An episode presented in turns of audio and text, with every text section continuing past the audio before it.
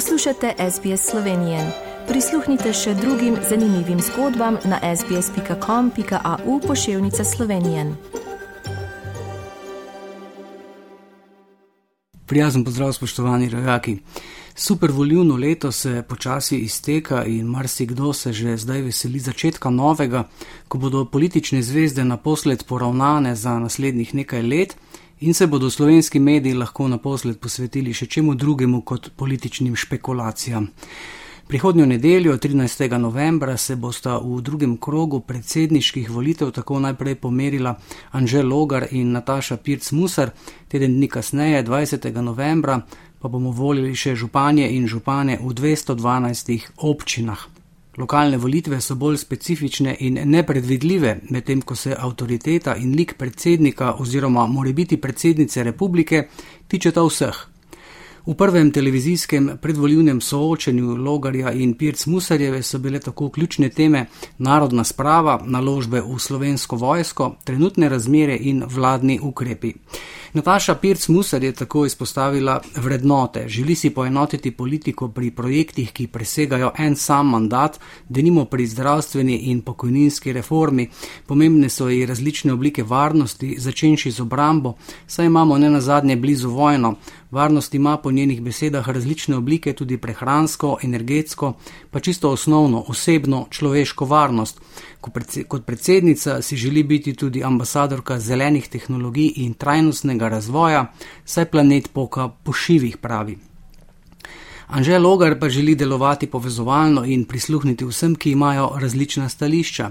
Sicer pa se predsednik republike po njegovih besedah ukvarja s strateškimi problemi, ne dnevno političnimi. Logar meni, da ima dobre politične izkušnje, se obrti uči že 23 let, zato lahko kot predsednik republike ne mudoma začne delati. Deloval je v mednarodni skupnosti in bo poskušal poskrbeti za to, da bo Slovenija zraven, ko se bo odločalo o pomembnih vprašanjih prihodnosti. Že dolgo nismo nič rekli o koronavirusu, to pa zato, ker so stvari relativno pod nadzorom in obvladljive. Velja pa v povezavi z epidemijo povedati, da so slovenska podjetja lani ustvarila okoli 4,5 milijarde evrov prihodkov spletno prodajo, kar je kar 42 odstotkov več kot v letu 2020. Spletna prodaja fizičnim osebam pa je narasla za 39 odstotkov na 1,4 milijarde, je objavil statistični urad. Največji delež skupnih prihodkov od spletne prodaje so imeli podjetja v dejavnosti trgovina ter vzdrževanje in popravila motornih vozil.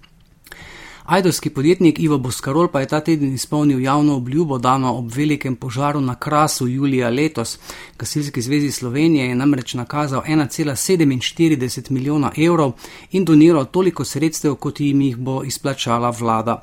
Osnovni motivi za donacijo so bili zahvala za njihov trud, spodbuda, da bi zdržali naslednje dni v peklenskih razmerah, motivacija prostovoljcem, da bi se jim pridružili in zato, da bi vedeli, da vsi slovenci cenimo to, kar počnejo za prebivalce in naravo krasa, je Boskarol zapisal v sporočilu za javnost.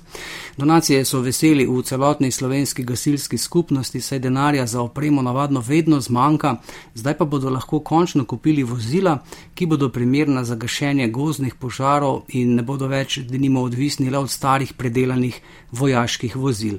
S prispevkom gasilcem sta Ivo in njegova hčerka Taja Boskarol tako zaključila izplačevanje donacij v skupni višini 30 milijonov evrov iz kupnine od podjetja Pipistrel.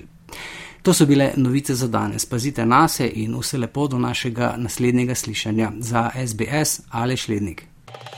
Želite slišati sorodne zgodbe? Prisluhnite jim preko Apple ali Google podcasta, preko aplikacije Spotify ali kjerkoli drugje.